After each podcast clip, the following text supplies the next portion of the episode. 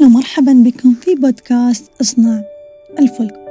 لأن الكون يمشي بنظام كوني محدد ومرتب هناك الكثير من القوانين الكونية تساهم بذلك. ببساطة فهمك لهذه القوانين وتطبيقها بالطريقة الصحيحة السليمة. لا شك ستساهم في بناء حياة مليئة من التجليات والخير الكثير.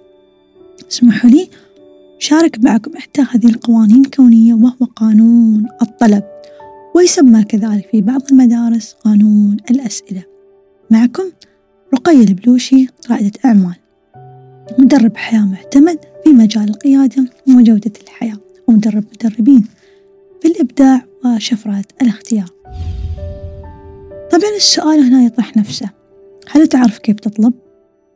أو تتوقع الأشياء تأتي دون طلب منك يعني صدفة مثلا؟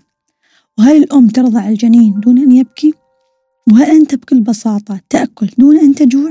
الحقيقة لا تأتي الأشياء في هذه الدنيا صدفة بل تأتي بطلب مسبق ومدروس ببساطة اسأل تعطى النية تسبق الطلب فأنت لا تطلب الشيء إذا لم تكن عندك النية بامتلاك الشيء أو الرغبة فيه لذلك يقال إنما الأعمال بالنيات وإنما لكل امرئ ما نوى طبعا النية تعتبر أساس العمل والطلب والنية جدا مربوطة بالسعي والسعي مربوط بالعمل والعمل مربوط بالنتائج ذلك يقال actions are by intentions.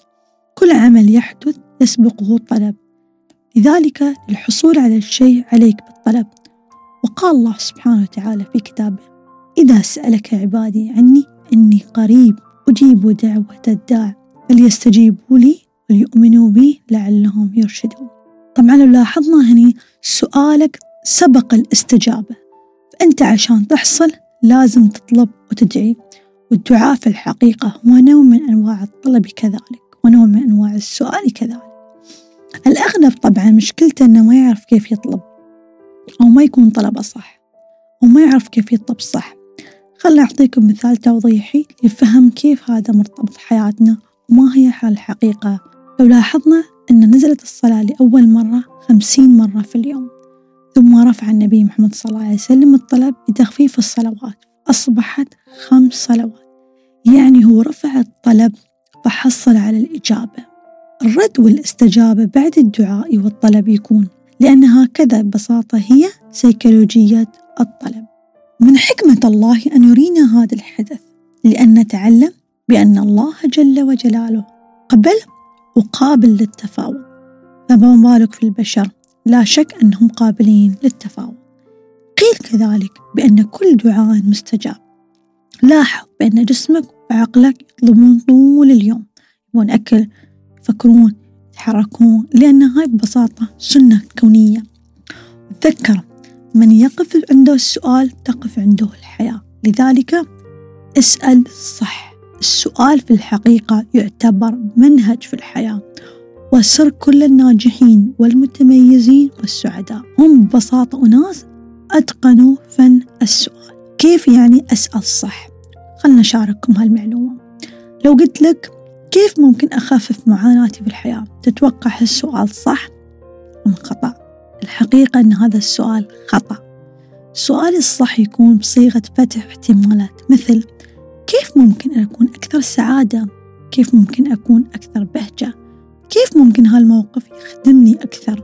كيف ممكن هذا الشيء خليني أزيد وعيا أو يجلب لي الخير أشارك معكم مثال توضيحي من الحياة في سورة يوسف عندما قال يوسف رب السجن أحب إلي مما يدعونني إليه فلو ذلك فدخل السجن فعندما أطال المدة في السجن سأل الله يا الله ليش أنا مدة طويلة في السجن؟ فكانت إجابته جل جلاله أنت سألتنا السجن فأعطيناك لو سألتنا العافية لأعطيناك معناه أنت تحصل ما تسأل. مثال ثاني كذلك ونقطة مهمة جدا هي ذكروها إذا لم تحصل على الإجابة دائما غير طريقة السؤال فهي الطريقة المختصرة جدا للحصول على الإجابة. سيدنا يوسف عليه السلام قال فصبر جميل عسى الله أن يأتيني بهم جميعا. فطبعا لأنه قال يأتيني بهم يعني كلهم فكان الرد أن أتى الله رد على كلهم على سؤاله فهكذا يكون طريقة الطلب. في الحقيقة من لم يسأل الله يغضب عليه. لأن عندما تتوقف عن الطلب والسؤال معناه بكل بساطة أنت في حالة يأس وإكتئاب. فأنت تدخل في دوامة ثانية وتؤثر على جودة حياتك. فلا بد في الحياة الطلب من الله والناس الكون. ورد أقول اسأل تعطى. إذا أردت طلب حقوقك فاسأل. لن تحصل على حقوق كاملة دون الطلب. فأنت مطالب بطلب حقوقك. طبعا وجود الظلم في الدنيا حقيقة بسبب مظلومين أكثر من الظالمين.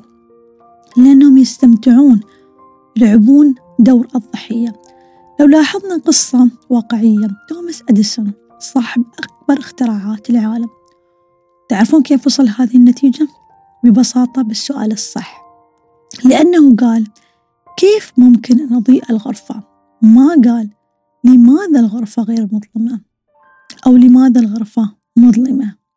السؤال الصح واللي فتح له الاحتمالات واللي خلاه يكتشف بوابات أخرى انتبه من سؤالك بالذات وقت الأزمات لأنه ممكن تزيد الوضع سوءا أكثر ما تصلح. يعني إياك أن تقول لماذا حدث لي هذا؟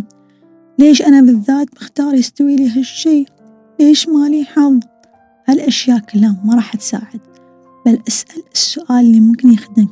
مثل كيف لهذا الوضع أن يخدمني للأفضل شو الخطوة اللي ممكن آخذها في هذه اللحظة لتغيير الوضع للأفضل ذلك استعمل السؤال فتح الاحتمالات لذلك أنت تفتح أفضل احتمالات روحك في هذه اللحظة وتعيش أفضل نسخة لك وتنعم بالسعادة في الدنيا. لك ما سألت اسأل صح. سألت العافية فلك ذلك وإذا سألت المرض فلك ذلك كذلك. اسأل وأنت مطمئن. سعيد موقن بالإجابة. أنت لا تستحق إلا الأفضل فجودة حياتك في الحقيقة هي اختيارك.